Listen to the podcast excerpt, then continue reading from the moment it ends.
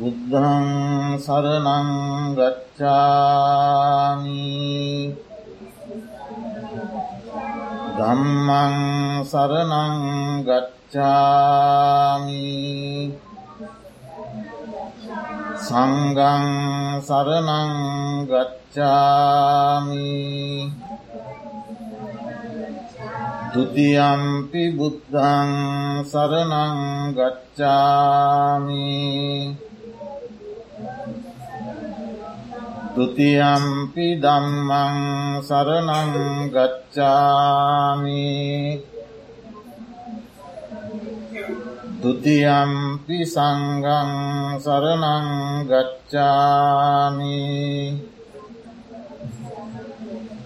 තතියම්පි බුද්ධං සරණං ගච්ඡාමි තතියම්පි දම්මං සරණං ගච්ඡාමි තතියම්පි සංගං සරණං ගච්ඡාමි සරනාගමනං සම්පන්නං පානාතිපාතාවේරමනී සික් සික්කාපදං සමාධයාමි අදින්නාදානාවේරමනී සික්කාපදං සමාධයාමි කාමේසු මිච්චාචාරාවේරමනී සික්කාපදං සමාධයාමී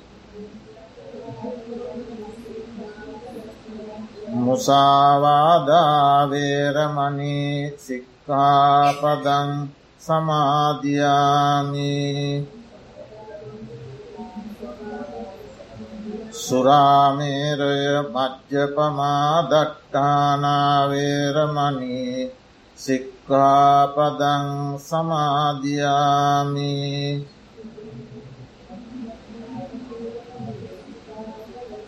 තිසරණේන සද්ධින් පංචසීලං දම්මං සාදුකං සුරක්කිතංකත්වා අපපමාදේන සම්පාදේ තබ්බං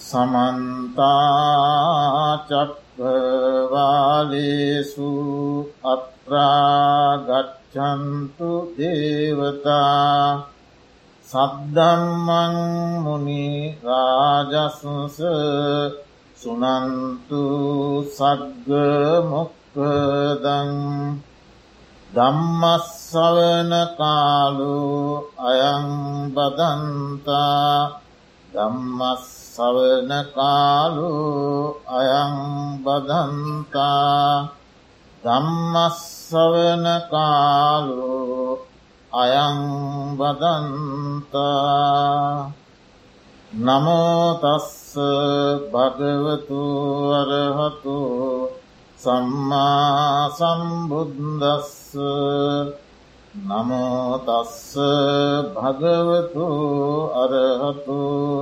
සම්මා සම්බුද්දස්ස නමෝතස්ස භගවතු අරහතු සම්මා සම්බුද්දස්ස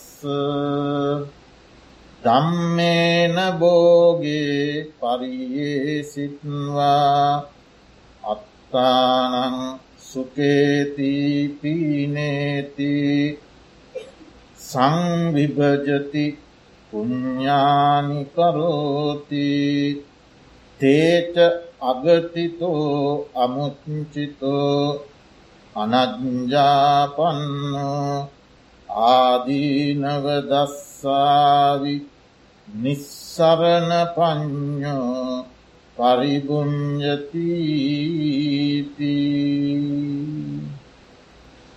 ශ්‍රද්ධාවන්ත කාරුණික පින්නතුනි ටෙක්සාස් බෞද්ධ භාවනා මධ්‍යස්ථානාධීපති පූජනීය තවලම පුන්නජීත් ස්වාමීන් වහන්සේගේ අනුශාසකත්වයෙන් දෙදහස් දහනමය වර්සයේ වස්සාන කාලය තුළ සති අන්ත සෙනසුරාදා පවත්වනු ලබන ධර්මදේශනා මාලාවෙහි පළමුුවන ධර්ම දේශනාව කල්ප මහත්මා සහ ජයා නෝනා මහත්මියගේ දායකත්වයෙන් පුංචි දියනිය සහ පුතනුවන්ද කල්ප මහත්මාගේ මෑනියන් සහ පියානන්ද හිතවත්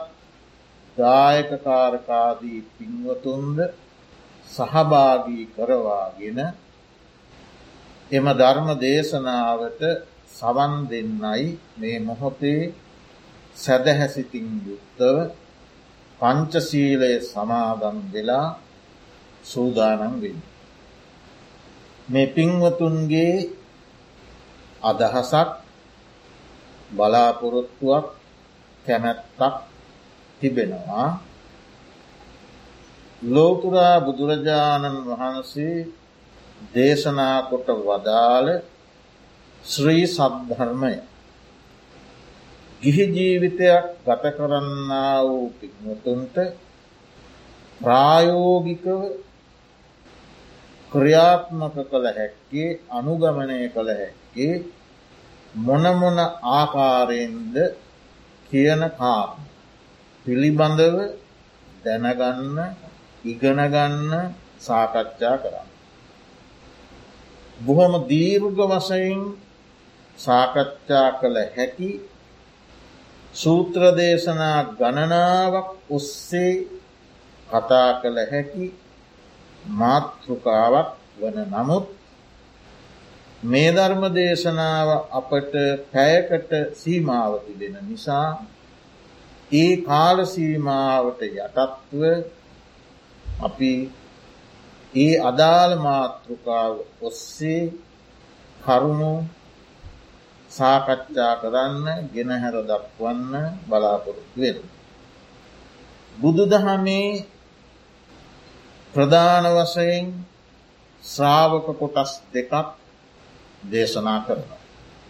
පැවිදි ශ්‍රාවකයන් සහ ගිහි ශ්‍රාවකයන්.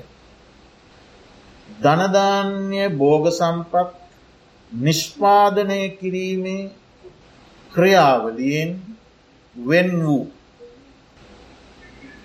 ගිහි ජනයාගෙන් ලැබෙන සිව්පසයෙන් ජීවිතය පවත්වන පැවිදි ශ්‍රාවක පිරිසට අනුගමනය කළ හැකි යම් යම් ධර්මතාවයන් තිබෙන.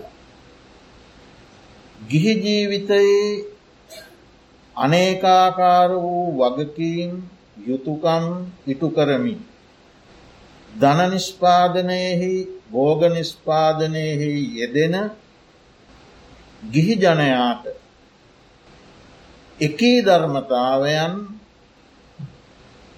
ඒ භික්‍ෂූන් වහන්සේලා අනුගමනය කරන ප්‍රමාණය සහවේගවත් අනුගමනය කිරීමේ දුෂ්කරතාවයක් තිබෙන බව අපි කවුරුත් අවිවාදයෙන් පිළිගන්නට ඕ. ඒ නිසා ගිහි ජීවිතයක් ගත කරන අතරතුර මේ බුදු සමය තුළින් ඉගැන්වෙන ධර්මතාවයන් කෙසේද තම ජීවිතයත් සමග සම්බන්ධ කර ගනිමින් කටයුතු කරන්නේ. පින්වතුනි ධර්මයේ දැක්වෙනවා උභයත්ත සංකල්පය කියලා විශේෂ කාරණය. උභයත්ත කටක්ගා හෝ සද්දස්ස ගරමේසින්. උභයත්ත කියල කියන්නේ ලෞකික අර්ථයක් ලෝකෝත්තර අර්ථයක්. උභයත්ත කියන අර්ථ දෙකක්. ගිහි ජීවිතයක් ගත කරන්න වූ පින්වතුන් සපයාගත යුතු සෙවිය යුතු අනුගමනය කළ යුතු වැඩිය යුතු අර්ථ දෙකක් තිබෙන. ලෞකික අර්ථය සහ ලෝකෝත්තර අර්ථය. නැවත ඒ ලෞකික අර්ථය අපිට කොටස්වොල්ට බෙදන්න පුළුව. ලෞකික අර්ථය. කොහොමද දිට්ට දම්මික අර්ථය සම්පරායික අර්ථය. ඒ කියන්නේ මෙලොව අර්ථය සහ පරලොව අර්ථය. ඔය ලෞකික අර්ථය නැවත බෙදෙන විදිය. මෙලව අර්ථය පරලොව අර්ථය. ඊළඟට ආත්මාර්ථය පරාර්ථය. ලෝකෝත්තර අර්ථය ගත්තොත් එහි තිබෙන්නේ ගිහි පැවිදි දෙපරිසටම දෙපිරිසටම එකසේ සාධාරණ පැත්ත. ඒ කුමක්ද සෝවාන් සකදාගාමි අනාගාමි අරිහත් මාර්ග පල සහනිව. නවලෝකෝත්තර ශ්‍රී සද්ධ අවබෝධ කිර. එහි ඔබලත් මටත් වෙනසක් නෑ. අපි කාටත් ඒ මාර්ග පල පොදු. ඒ ලෝකෝත්තර අර්ථය. ඔබට තිබෙන ලෞකික අර්ථය තමයි මෙලව අර්ථය පරලෝ අර්ථය. ආත්මාර්ථය පරාර්ථය. භෞතික දියුණු. ඒ තමයි ලෞකික පැත්ත ගිහි ජනයාට තිබේ. දැන් ඒ ලෞකික අර්ථයන් සම්පාදනය කර ගැනීම සඳහා සපයා ගැනීම සඳහා දියුණු කර ගැනීම සඳහා අනුගමනය කළ යුතු ක්‍රියාමාර්ග කවරේද. කෙසේද. මගේ මෙලව අර්ථය මන් සකස් කරගන්න. මගේ පරලව අර්ථය මන් සකස් කරගන්න. ආත්මාර්ථය සකස් කරගන්නේ පරාර්ථය සකස් කරන්නේ. භෞතික අන්සේ දියුණු කරගන්න. කෙසේ. ඒ සඳහා බුදු දහමෙන් ඉගැන්වීමක් තිබෙනවාද. නොයසේනම් බුදු දහම දුක ගැන විතරක් කතා කරන දහමක්ද. නිවන ගැන විතරක් කතා කරන දහමක්ද. මෙලව ලෞකික දියුණුව ගැන කිසිසේත් කතා නොකරන්නේද. නොයසේ නම් පරලොව ගැන පමණක් කතා කරන දහමක්ද කියන කාර සලකා බලන්ට ඕ. මොකද අපි කවුරුත්තින්නේ ලෞකික ජීවිතයේ යුතුකම් සහ වගකීම් එක්ක ගැටගැහිල බැඳෙන. ඒ නිසා අපිට ඒ ලෞකිකත්වය අමතක කරන්න බෑ. ඒක කොහොමද මම සකස් කරගන්න. බුදුරජාණන් වහන්සේ ඒ සඳහා ගිහි ජනයාට අවවාද කළ අනුශාසනා කළ සූත්‍ර දේශන. වයග්ග පජ්ජ උජ්ජය ඉන අනන සිංගාලෝවාද රාසිය පත්තකම්ම පංචබෝගාදිය විසාකූපෝසත මනාපකායික ආදී කී නොකි. බොහෝ සූත්‍ර දේශනා තිබෙන. දේශනා කරලා තිබෙන. ලෞකික අර්ථ සිද්ධිය සඳහා. එයින් රාසිය සූත්‍රයේ ඉගැන්වෙන දහම් පාටයක් තමයි මම මුලින් මාතෘකා කළේ. කුමක් දේ පාටය දම්මේන බෝගේ පරියේ සිත්වා ධාර්මිකව බෝගයන් පරියේෂණය කොට පරියේෂණය කරනවා සොයනවා. ධාර්මිකව බෝගයන් සොයා. අත්තානන්සුකේති පීනේති. ඒ දැහැමින් සෙවූ බෝගයන්ගෙන් තමා සැපවත් කරනවා පිනවනවා. තමා සැපවත් කරනවා පිනවන. සංවිභජති. ඒ සැපවත් කරමින් පිනවමින් නතර නොවී ඒ බෝගයන් සංවිභජනය කර. බෙදාදිය යුත්තන් කෙරෙහි බෙදාදිනවා. සංවිභජති. එතනින්ද නතර නොවී පුඤ්ඥානි කරෝති. ඒ බෝගයන්ගෙන් පින් කරන. තේච බෝගේ එසේ කොට ඉතුරු වෙන බෝග තියෙන වනිතාව. ඒ බෝගයන්හි අගතිතෝ ගැට ගැහෙන්නේ නෑ. එකන ඒවට බැඳෙන්නේ. අමුච්චිතෝ ඒවගේ මුලාවෙන්නේ නෑ. අගතිතෝ අමුච්චිතෝ. අනජ්‍යා පන්නෝ ඒ බෝගයන්ටම බැසගන්නේ නෑ. ඒකම ජීවිතය කරගන්නේ. අනජ්‍යාපන්න. ආදීනව දස්සා. ඒ බෝග සම්පත්වල තියෙන ආදීන වේදක්. ආශ්වාදයම දැකළ බෑ. ඒවගේ ආදීනවයකුත් තියෙන එකත් දකින. නිස්සරණ පඥ්ඥෝ පරිභුංජත. අතහැර දමායන නුවනින් යුක්තව ඒව පරිභෝග කරන. ඔය තමයි දර්ශන. රාශිය සූත්‍රය. දැම් මේ කාරණය බුදුදහම පිළිබඳව පරියේෂණය කරන. විමසන. පරියේෂණ ග්‍රන්ථ ලියන රචනා කරන. ආචාර්ය මහාචාර්ය ආදී උපාදිවලට පෘති වශයෙන් ඉදිරිපත් කරන. දේශීය විදේශීය බොහෝ උගත් ආචාර්යවරු මහාචාරය බොහෝ උගත්තයි. මෙකී කරුණු ප්‍රධාන මාතෘකා කීපයකට බෙදෙන. ගිහි ජීවිතයේ ලෞකික දියුණ. බෝග ඉපයීම සැපයීම බෙදාහැරීම ආදී කරුණු. ප්‍රධාන මාතෘකා කීපයක් තිය.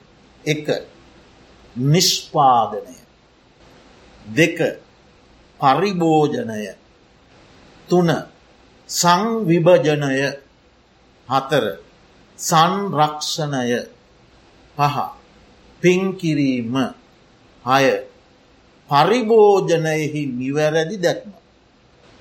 බුදු දහමේ ඉගැන්වෙන මූලික ඉගැන්වීම් ටික වර්තමාන ලෝකයේ ඒ ශේස්ත්‍රවල උගතුන් දකින විදි. පරිභෝජනය නිෂ්පාදනය පරිභෝජනය සංවිභජනය සංරක්ෂණය පෙන්කිරීම පරිභෝජනයෙහි නිවැරදි දැක්.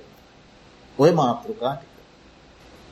දැන් බලමු මේක කොහොමද ප්‍රායෝගිකව ක්‍රියාවට නන්න. මේව නංවනවන මේ ඔබ ඉන්න බුදු දහම තුළ. බුදු දහම තුළ ඉන්න. මොකක්ද එක නිෂ්පාදන. ඔන්න බුදුරජාණන් වහන්සේ පත්තකම්ම පංචබෝගාදිය අනන කියන සූත්‍රවලදී දේශනා කළා නිෂ්පාදන කාර්ය පිළිබඳ. උට්ටාන විරියාදි ගතා බාහා බල පරිචිතා සේදා වක්කිත්තා දම්මිකා දම්ම ලද්දා බෝග. උට්ටාන වීර්රී අලසකම මැඩලා සීතල උස්න බඩගින්න පිපාසය රෝග රෝග ඇතිවීගෙන එන ලක්ෂණ තියෙනකොට රෝග සුව වූ ගමන් ගමනක් යන්ඩ තියෙන නිසා ගමනක් ගිල්ල ආව නිසා එහෙම මිනිසු අලස වෙනවන. බඩගින්න නිසත් අලස වෙන. බඩ වැඩියෙන් පිරුණමත් අලස. සීතල නිසත් අලස. උණුසුම නිසත් අලස. ගමනක් යන්න තියෙන නිසත් අලස. ගමනක් ගිල්ල ආව පසුත් අලස වෙන. ආව විතරයි දැන්බෑ. ඊළඟට රෝගයක් හැදීගෙන එනකොට අලස වෙන. අපි නිකම් අසනීපයි. රෝගයක් හැදිලා සෝවන ගමනුත් අලස වෙන.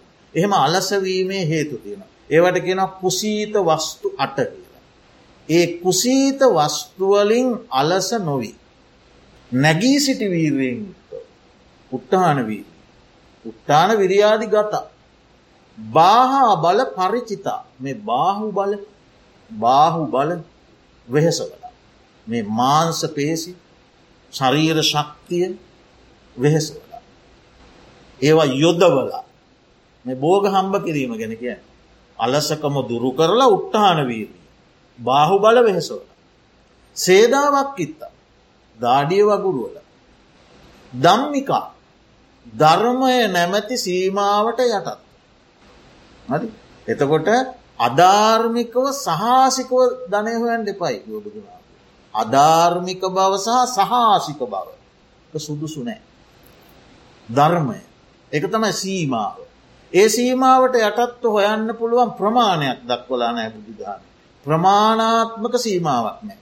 එක මිලියන වෙන්න පුළුවන් ලියන වෙන්න පුළුවන් ට්‍රිලියන ඒක සීමාවක් නෑ. හැබැ සීමාවත්තිය ඒ මොකක්ද සීමාව දම්ම අන්නේ සීමාවට යට. හම්බ කර කිසිදු ප්‍රශ්නයක් හම්බ කරන්න එපා කියලා කිසි තැනක බුදු දහමය කියලන. එහෙම ඔබ හම්බ කරනවා නම් ඔබ බුද්ධ දහම තුළ ඉන්න කෙනෙ. ධාර්මිකත්වය තියෙනවා අසහාසිකත්වය තියෙන. අධාර්මික බව නෑ සහාසික බව නෑ. ඔබ සොයන බෝග දැහැමි දැහැමි බෝග. දම්මේන බෝගේ පරියේසිත්වා කිව ඒකයි. දැහැමින් බෝග සොයා පරියේෂණය. එතැන්දී වර්තමාන ලෝකයට වැදගත් පණවිඩියක් දෙනවා. අද අපි මේ ජීවත් වෙන ලෝකයේ බිලියන ගණන් ජනයා කුසගින් ඉන්නවා කියන කමතක් කරන්න හොදනෑ. බිලියන ගණන් ජනයා මන්ද පෝෂණයෙන් පෙළෙනවා කියන එක අපි අමතක නොකළ යුතු දෙයක්. එම දෙයක් ලෝකයේ තියෙන. අපි දම්ම කියන සීමාව ඉක්මවා ධන සහ බෝග සම්පත් පරියේෂණ කිරීමේ විපා විඳිමින් පාරිශරික ප්‍රශ්න පාරිශරික ගැටලු මිනිසාට මිහිමත වෙන කවරදාකුවත් දක්නට නොලැබුණ ආකාරයේ රෝගපීඩා බොහොමයකට මුහුණ දෙන්ට වී තිබෙනවා මේ දම්ම කියන සීමාව ඉක්මවා බෝග පරියේෂණය කිරීම නිසා. ඒක ලෝකයේ බොහෝ උගතුන් පිළිගන්නා සත්‍යය. ඒ නිසා ඒ උගතුන් විද්වතුන් ඒවාට සීමා මායින් සොයමින් සිටි. ඒවා වැලැක්වීම සඳහා. ඒ අධාර්මික සීමාවන් අධාර්මික සහාසික භාවයන්ගෙන් ලෝකයේ මුදවාගන්නට විවිධ මම්පෙත් සොයමින් ඉන්න. ඒ නිසා බුදුරජාණන් වහන්සේගේ මේ දේශනා ප්‍රායෝගිකව ක්‍රියාවට නැංවිය හැකි නමුත් ප්‍රායෝගික ක්‍රියාවට නංවන්නේ නැති නිසා. ලෝකයට මහත් වූ අනතුරුදායක තත්ත්වයන් ඇතිවී තිබෙන. බලන්න බුදුරජාණන් වහන්සේ දේශනා කරනවා උපාසකයෙකුට නොකළ යුතු වෙළදාම් පහ. මස් පිණිස සතුන් විකිනීම හෝ මනුස්ස ජාවාර මිනිස් අලවී මිනිස් ජාවාර වහල් වෙලදාම් අද වහල් කියන නාමයෙන් නැති වුණත් යම් යම් ආකාරයෙන් මිනිස් වෙලදාම් ලෝකයේ තිය එක කරන්න එපා. ඊළඟට අවි ආයුධ වෙළඳා එයින් කියන්නව කම්මලක උපාසක මාත්‍යයක් අදන හිරමණයක් ගෙනවත් නේද? එලවලු කපාගන්න පිහියක් ගෙනවත් නෙවෙයි. එහෙම ආයුධයක් ගැනනේ මේ කියන්න. එහෙම ආයුධ නිපදවන්න එපා කියල නෙවේ අවි වෙළඳා බුදු දහම ප්‍රායෝගිකයි ඒවා ප්‍රායෝගික වුණට ක්‍රියාවට නංවන්න වෙන දෙයක්න එතකොට අවි වෙළදා ඊළඟට මස් වෙළදා ඊළඟට මත් ද්‍රව්ය මත් පැන් වෙලදා. මත් පිණිස හේතුවන දේවල් වෙලදා. නොකළ යුතු වෙලදා. සත්ත වනිජ්ජා සත්හ වනිජ්ජා මන්ස වනිජ්ජා මජ්්‍ය වනිජ්ජා. ඊළඟට විෂ වනිජ්ජා. මිනිසාගේ ජීවිතයට හානි කරන වස විසවර්ග වෙලදා. ඔය පහ කරන්න එපා. ඒවා ගිහි ජීවිතයට අදාළ කරුණු පහ. මොකද හාමුදුරුවෝ කිසිසේත්ම ඔය පහ කරන්න යන්නේ ගිහි ජීවිතයට අදා. තොට ඒක ආජීව පාරිශුද්ධ සීලය. ගිහියෙකුගේ ආජීව පාරිශුද්ධ සීලයට අයිති. ඒක යන්නේ තමන්ගේ ජීවිත පැවැත්ම පිණිස නොකල යුතු දේවල්. එය අතහරි. එයා ඒ පැත්තෙන් සිල්වක් ආජීව පාරිශුද්ධ සීල. තෝට පැවිද්දාගේ ආජීව පාරිශුද්ධ සීලේ තව ගොඩක් විස්තර තියෙන. තොර තව තියෙනවා. උක්කෝටන නිකති සාචියෝග ඔහොම පාලි භාෂාව තියෙනවා. රන් නොවනදේ රංකොට විකිනීම මැනික් නොවනදේ මැනික් කොට විකිනීම අල්ලස් ගැනීම එතකොට තුලාකූට හොරට කිරණ එක මානකූට හොරට මනින එක ඒවත් කරන්න එපා. ඒවා ගෙන් ආජීවය අපිරිසුක. අන්න ඒ වගින් වෙන් වෙලා හොර කිරුම් මිනුම් අල්ලස් අර ඉහතකී වෙළදාම් වලින් වෙන් වෙලා ධාර්මිකෝ ධනය හොය. එතනදී කෙනෙකුට කය බාහුබල දාඩිය වගුරුවලා ධනය සොයන කෙනෙක් වෙන්ඩ පුළුවන්. එය කායික ශ්‍රමය වෑ කරලා ධනය හොයන කෙනෙ. නමුත් සමාජයේ හැමෝම කායික ශ්‍රමයම වෑ කරන්නේ නෑ. තව කෙනෙක් වෑ කරනවා බුද්ධිය ධනය නිෂ්පාදනයේදී. එක වරදක් නෑ. එයා තමාගේ බුද්ධිය මෙහේවලා ධනය හොයෙන. හැබැයි එතැන්දිත් බුද්ධිය මෙහේවීමේදී අර දම්ම සීමාවට යට. ඒ බුද්ධිය ඔහු මෙහේවන්නේ සමාජයට අනතුරක් විපතක් අවැඩක් හානියක් ගෙන දෙන දේ නිපදවන්ට නම් එක වැරදි. එයා එතකොට ඒ බුද්ධිය යොදවනවා අනර්ථය ඒක වැරදි. ඊළඟට කායික ශ්‍රමය බුද්ධිමය ශ්‍රමය මෙන්ම මානසික ශ්‍රමය. මනස මනස මෙහෙවනවා යම් යම් දේවල් නිර්මාණය කරලා ලෝකයට දායාද කරනය. ඒවාද තියෙනවා. නිර්මාණශීලී මිනිසුන් යම් යම් දේවල් නිර්මාණය කරලා ලෝකයට දායාද කරලා ධනය උපේ. එහි වරදක් නෑ. හැබැයි එතනත් තියෙන්ඩෝ නෑර දම්ම කියන සීම. එයා නිර්මාණයකොට ලෝකයට දායාද කරන දෙය ලෝකයට අනර්ථයක් අවඩක් අහිතක් වෙනවන ඒක වැරදි. අන්න. එතවට ඔය ශ්‍රම තුනම කායික මානසික බුද්ධිය. ඔය ශ්‍රම තුනම දම්ම කියන සීමාවට යටත් පෙන්ඩෝ. ඒක තමයි නිස්පාතන. ට බුදුරජාණන් වහන්සේගේ නිස්පාදන ක්‍රියාවලිය හොඳද නරකද. එදාට විතරද හොඳ අදට නරකද. නැත්දං එදාටත් අදටත් හොඳයි මතුවට නරකද. එදාටත් අදටත් මතුවටත් හැම්ම දාමත් මේ ලෝකයට හොඳද කියන එක සෙවීම බැලීම පර්යේෂණය කිරීම ඒ දහම පිළිගැනීම ලෝකයාගේ වැඩා. ඔයිට වැඩියයි නිස්පාදන ක්‍රියාවලියේ ලෝක සාමය වෙනුවෙන් කතා කරන්න දෙයක් නෑ. ඒක තමයි නිස්පාද. ඊළඟට දෙක. අත්තානන් සුකේතිී පීනේති සම්මාසුකම් පරිහර. දැන් ඔන්න ඔබ දැහැමිව බෝග සොයන. කාටවත් කරදරයක් නෑ. ඒ හොයන බෝගයන්ගෙන් ඔබ කළ යුතු පළවෙනි කාර තමා සැපවත් කිරී. පිනවී.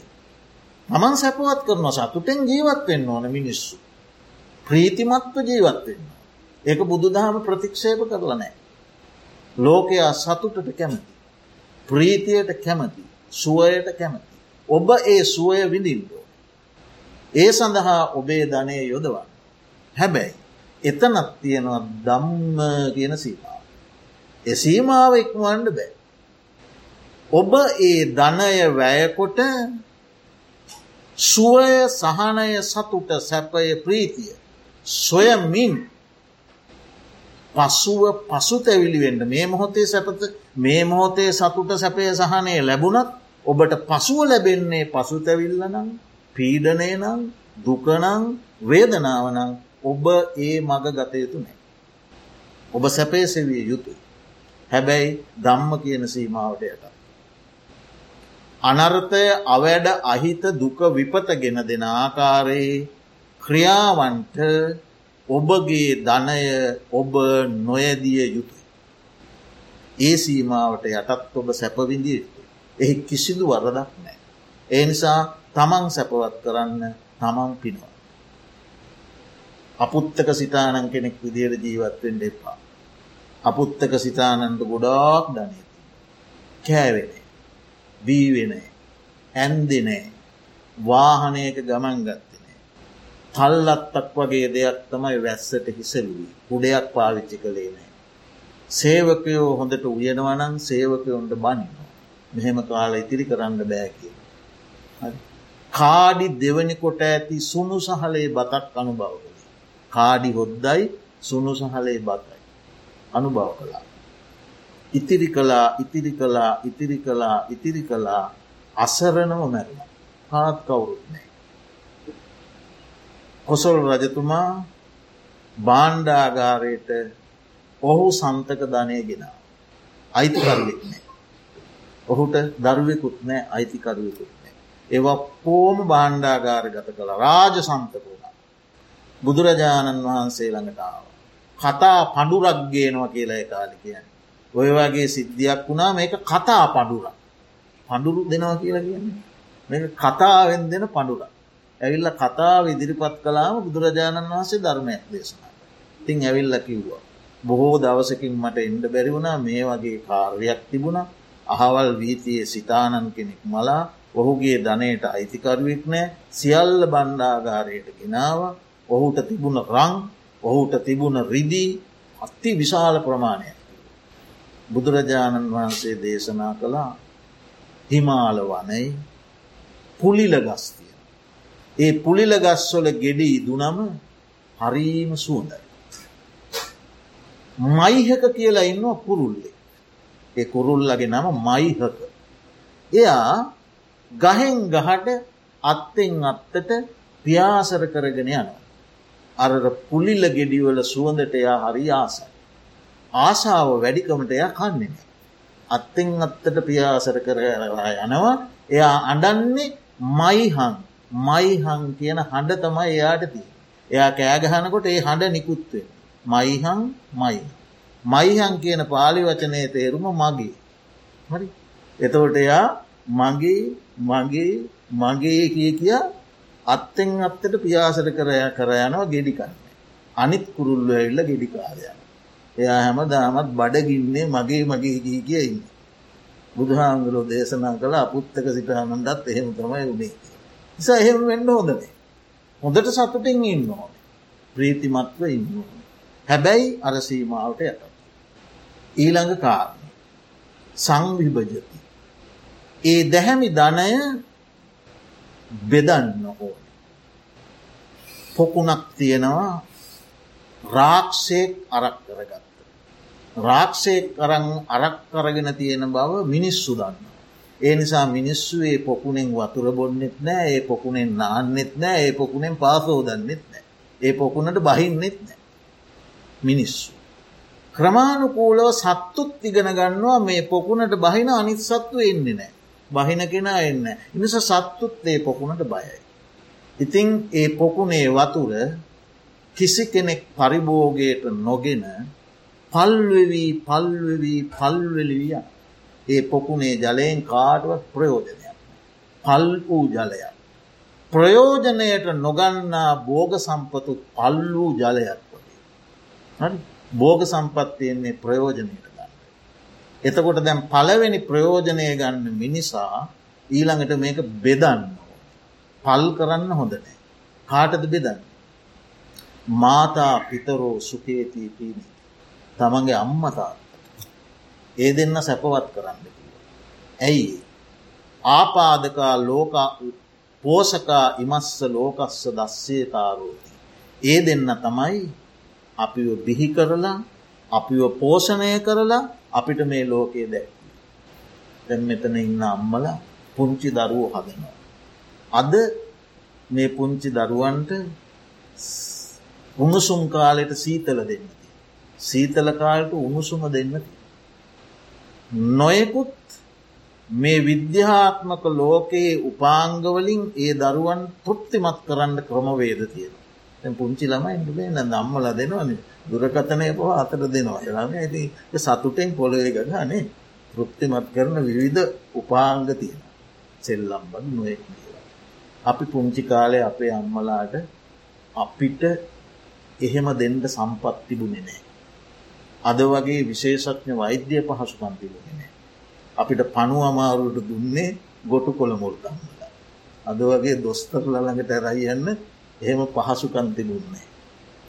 ඒ විදිහේ නොයෙක් දුස්කරතා මධ්‍යයේ නමුත් නාවලා කවලා පොවලා ඉම්බලා පියවරු දාලා සතුටු කරලා මුව සිම්බලා අපිට කන්න බොන්න දීලා කවලා පොවලා අපි හැදවා. අපි අද මේ ලෝකයේ මේ මට්ටමින් හෝ ජීවත්වෙන්නේ ඒ අයගේ ඒ කැපකිරීමේ ප්‍රතිඵලයක් ලෙස් ලෙසින් නිසා. ඒ නිසා ඒ මව් දෙමව්පියන්ට තමන් සන්තක දෙය බෙදාහදාදීම සෑම දරුවෙකුගේම යුතුකමක් ලෙස බුදුරජාණන් වහන්සේ දන්නවා දකිනවා ඒක මහා පින් වැඩෙන පින්කමක් කියල දේශනා. අක්කතන් අනුපහතන් අත්තානං පරිගර. අම්ම තාත්ත දෙන්නට නිවරදිව සලකන දරුවා ගුණධර්ම හාරා නොදැමූ මේ හදවතින් ගුණධර්ම හාරා නොදැමූ ආත්මයක් පරිහරණය කර. අම්ම තාත්ත දෙන්නට යම් දරුවෙක් සලකන්න නැත්ත. ඒ දරුවා ගුණධර්ම හාරා දමපුවා එයාගේ ගුණධර්ම රඳන්නේ නෑ ඒව හාරල අයිංක දාපු ආත්මයක් කිව පරිහරණය කර. ඒ නිසාන්න ප්‍රායෝගික බුදු දහම අම්ම තාත්තත් හොඳ සලකන්න. ඔබ හොඳ බෞද්ධය එහෙම කරනවා. එයා අන්‍යාගමික කෙනෙක් වෙන්න. හැබැයි එයා තමන්ගේ අම්මතාත්ත දෙන්නට ඉතාම ගෞරවයෙන් සලකනවන. ඔහු බුදුරජාණන් වහන්සේගේ ධර්මය අනුගමනය කර. ඔහු අන්‍යාගමික කෙනෙක් වෙන්පුර. ඒ ධර්මය අනුගමනය කරන කෙන. අන්න සංවිභජනය බෙදනවා. තව තියෙනවා සංවිභජනය කරුණ. පුත්ත ධාර දාස කම්ම කර පෝරිසේ සුකේති පීනේති සම්මා සුකං පරිහරති.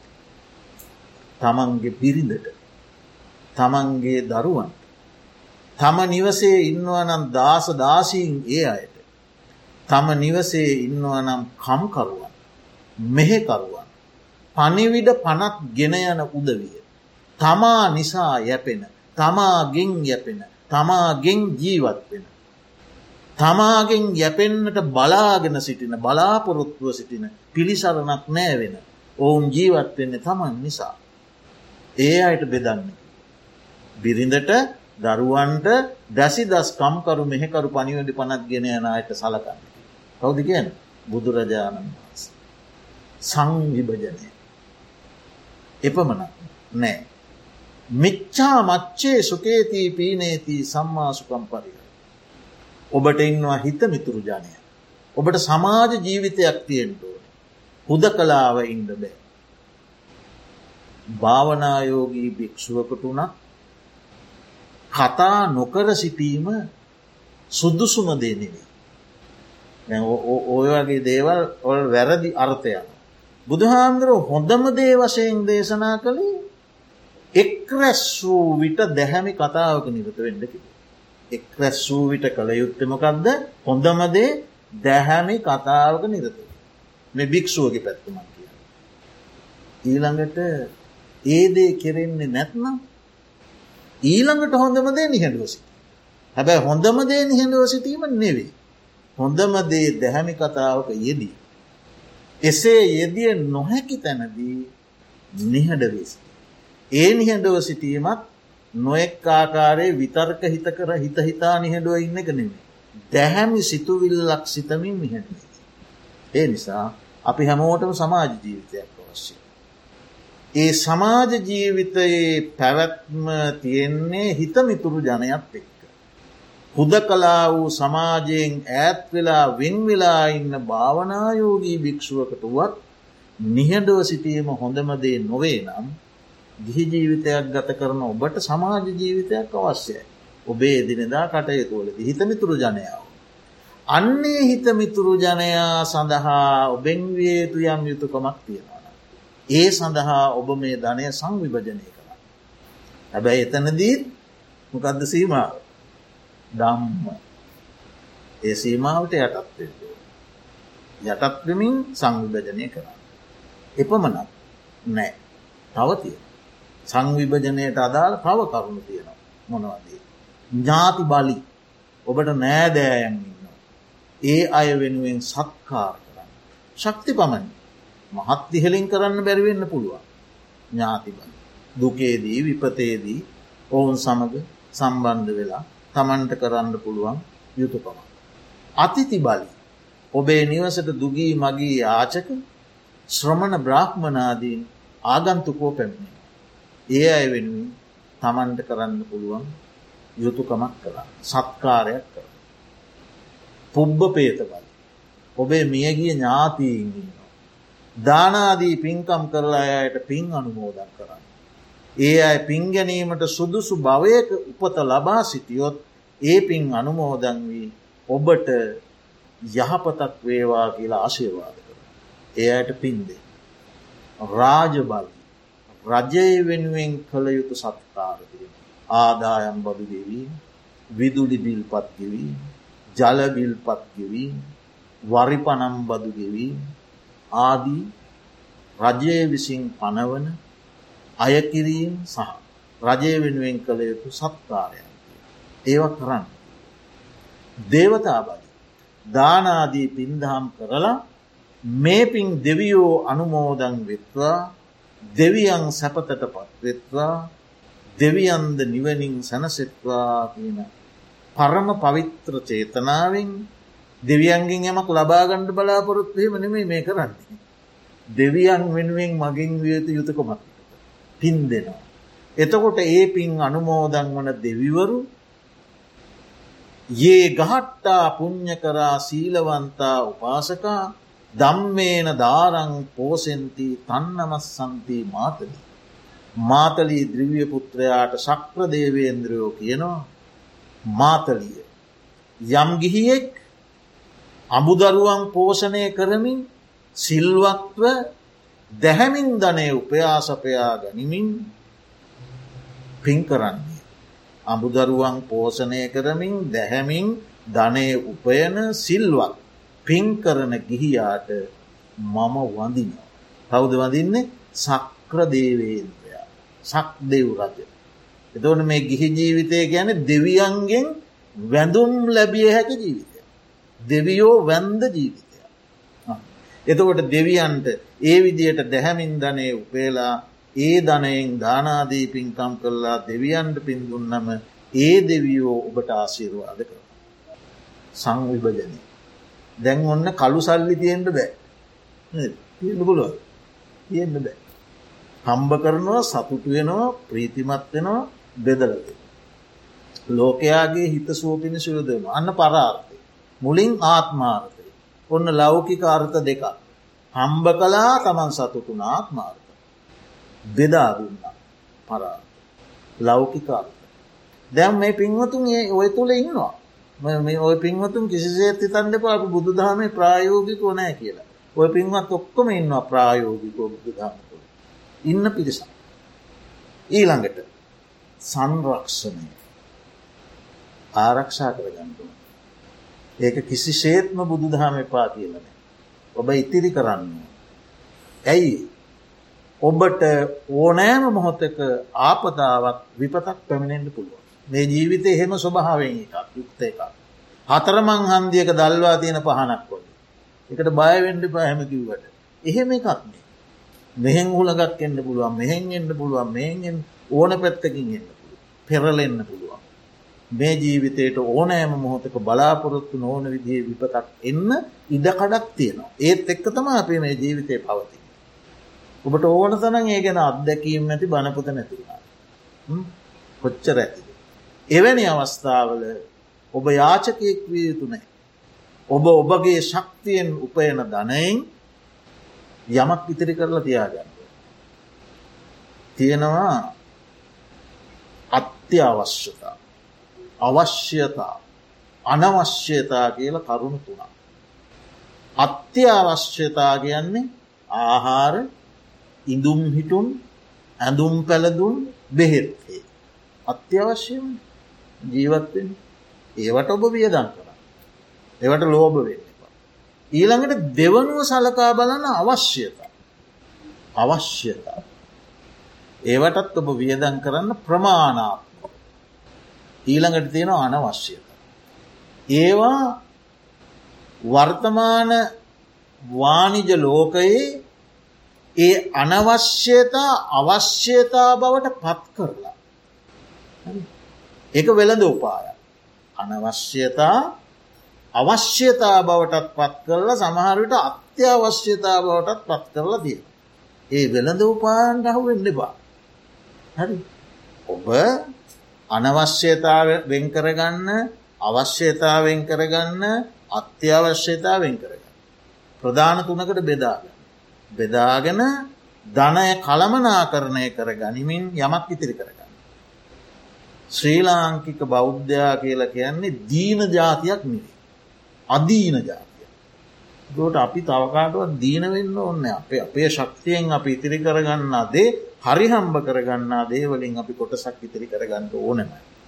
ඒක බුදුහාන්දුරෝ කිසි සේත්ම ප්‍රතික්ෂේප කල්ලාන්නේ. තාවර නිධාන ජංගම නිධාන අංග සම නිධාන අනුගාමික නිධාන කියලා නිධාන හතරක් පසුකාලීන අට්ට කතාවල උගන්න. තාවර නිධානකයන් ස්තීර තැන්ප. දැන්ව බැංකූල කියන් ස්තීර තැන්ප ඔය පාලි භාෂාවෙන් ආපු වචනය තාවර නිධාන. ඒකාලි තාවර නිධාන කියලා කිව තැනින් තැනට ගෙනියන්ට වැර ඉඩකඩ. ඒ උත්සන් යන්න බෑනකොට ඒව ගන්නකි. හරි ජංගම නිධාන කියලා ඒ කාලේ කිවේ තැනින් තැනට ගෙනියන්ට පුළුවන් වස්තු. හරකබාන රන්රිදිී ආභරණ ඒව යන තැනකට අරයන්න. ඒවත් රැස් කරගන්න. දැන් ජංගම ගිනුම් කියල කියන්න ඒ ඒ වචනයෙන් ආපේ පාලි වචන ජංගම නිදා. ඊළඟට අංග සමනිදා. අංග සමනිධාන කියන්නේ සිල්පීය දක්ෂතා සහ දරුවෝ. දරුව හොඳට හදල පෝසනය කරලා මඟ පෙරවා. ඒක ඔබට නිධානය නැති බැරි වෙලා පිහිටුව. ඊළඟට අංග සමනිධාන කියන වෘතීය දැනුම එකත් ශිල්ප ශාස්ත්‍ර හොඳට ඉගෙන ඇති බුදු දහම මෙම කතා කරලන තොට බුදු දහම් පරලෝවට පමණත් බුදු දහම දුක ගැන විතරද කතා කරල තියෙන නිවන ගැන විතරද කතා කරල තියෙන ගිහි ජීවිතය ගැන කතා කරලා නැද්ද? ඔය තිය ඕන තරන්ති එතකොට අන්නේ විදියට සංරක්ෂණය කරගන්න. ඉතිරි කර දැන් කරුණු තුනයි.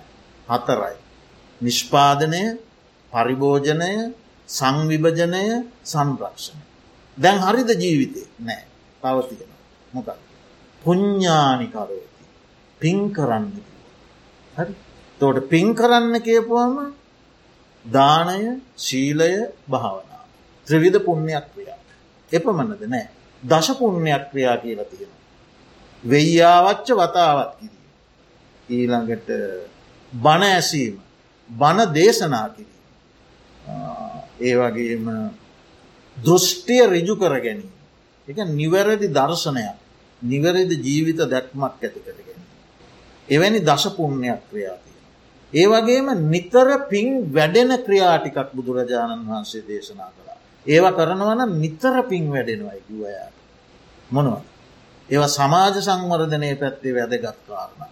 ඒව බොහෝ දෙනෙක් සලකා නොබලන කරුණු කියලා මට හිතෙනවා. මේ දන්දීම සිල්රැකීමට අමතර දේවල්.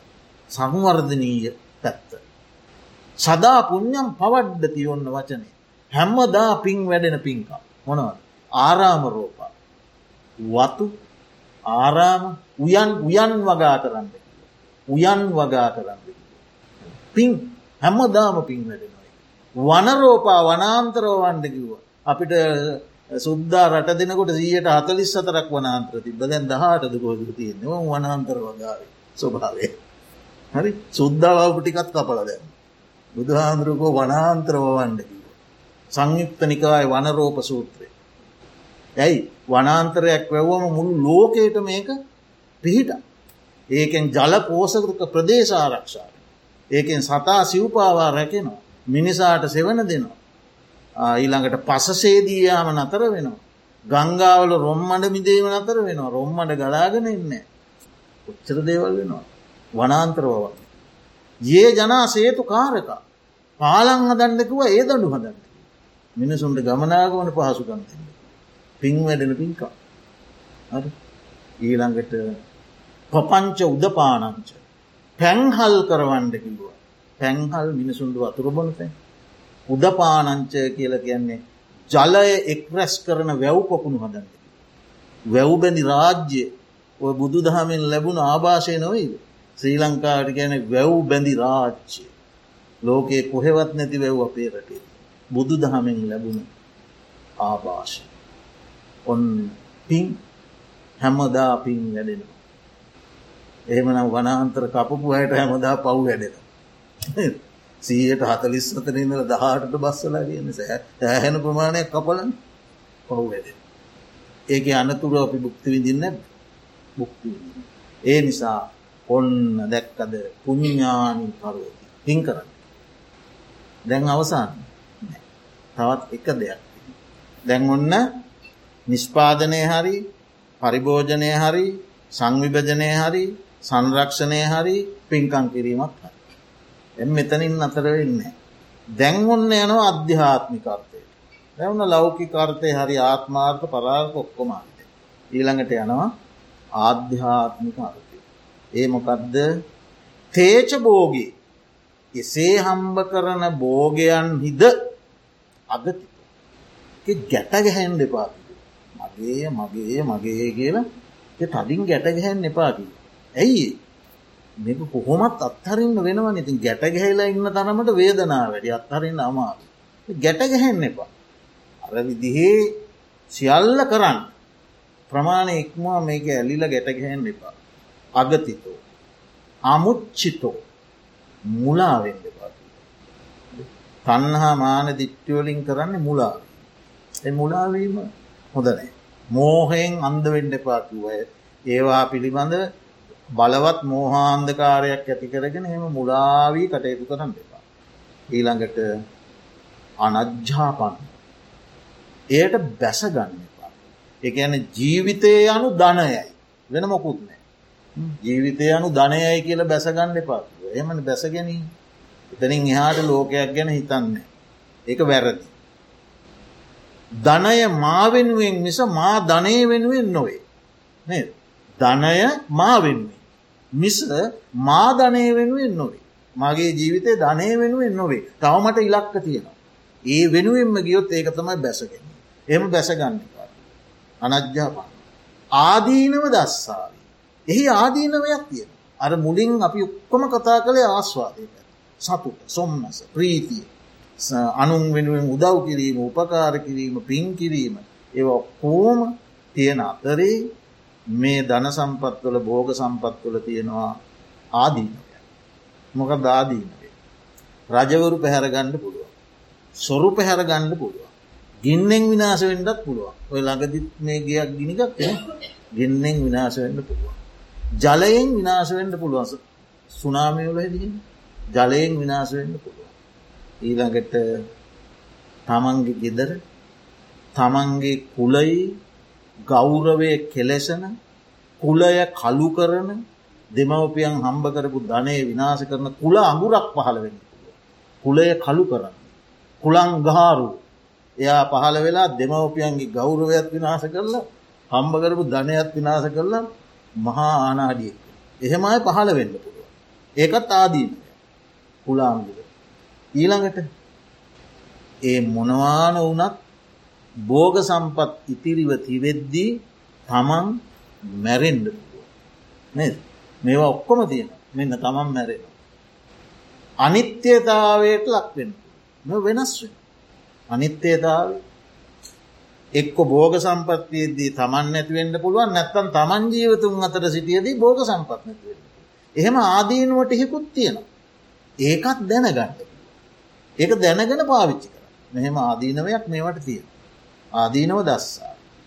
නිස්සරණ පඥ්ඥෝ පරිභුංජති. අතහැර දමා යන නුවනින් සුළුව පාවිච්චි කරන්නේ. ඔන්න පරිභෝජන දර්ශනය. අතහැර දමා යන නුවනින් සුළු පරිභෝජනය. අන්න අධ්‍යාත්මය.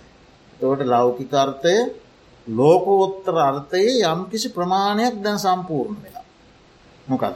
එ අවබෝධයෙන් පරිභෝග. එතවට මසුරු මැඩ මසුරු මල මැඩලුන ජීවිත. ඉතින් ඔය මාතෘකා ඔස්සේ කතා කරන්න බොහෝ දේවල් තිය. බොහෝ දේවල් තිය. ඒ නිසා ඔබ හැම දෙනාම ඔය උභයාර්ථ සිද්ධියේ ලෞකික අර්ථ සිද්ධිය තුළ මම කියන්න ඔබ ලෝකෝත්තර අර්ථ සිද්ධිය තුළ ඉන්නවා කිය. ඔබ තව මමවත් ඔබවත් තව මාර්ග පල් ලබලනෑ නමුත් ලෞකික අර්ථ සිද්ධිය පැත්තෙන් ඔබ බොහෝ ඔබ සියලු දෙෙන මේ අර්ථය තුළ ඉන්න. ඔබ ධාර්මිකව හම්බ කරන්න ඔබ සතුටු වෙන්න ඔබ සන්තක ධනය කළ යුතු යුතුකම් මනාව ඉටු කරමින්නේවා බෙදාහදා දෙන්න සංරක්ෂණය කරගන්න පින් කර මේ කරන්න පින්කමක් තම. ඉතින් ඒ නිසා තව දුරටත් මං වැඩියමුත් විනාඩි නමයක් කරන්න තියෙනවා තවදුරටත් මේ තව කතා කරන්න නම් බෝ දේවල් තියෙනවා මේ මාතෘකාව යටතේ නමුත් අදට අපි මෙතනින් මේ ධර්ම දේශනාව නිමාවට පත් කරමු.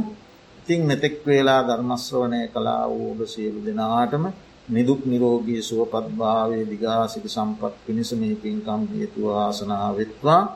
සියලු දෙනාගේ යහපත් බලාපොරොත්තු අභිමතාර්ථයන් සර්ව ප්‍රකාරයෙන්ම සාර්ථකත්වයට පත්වෙත්වා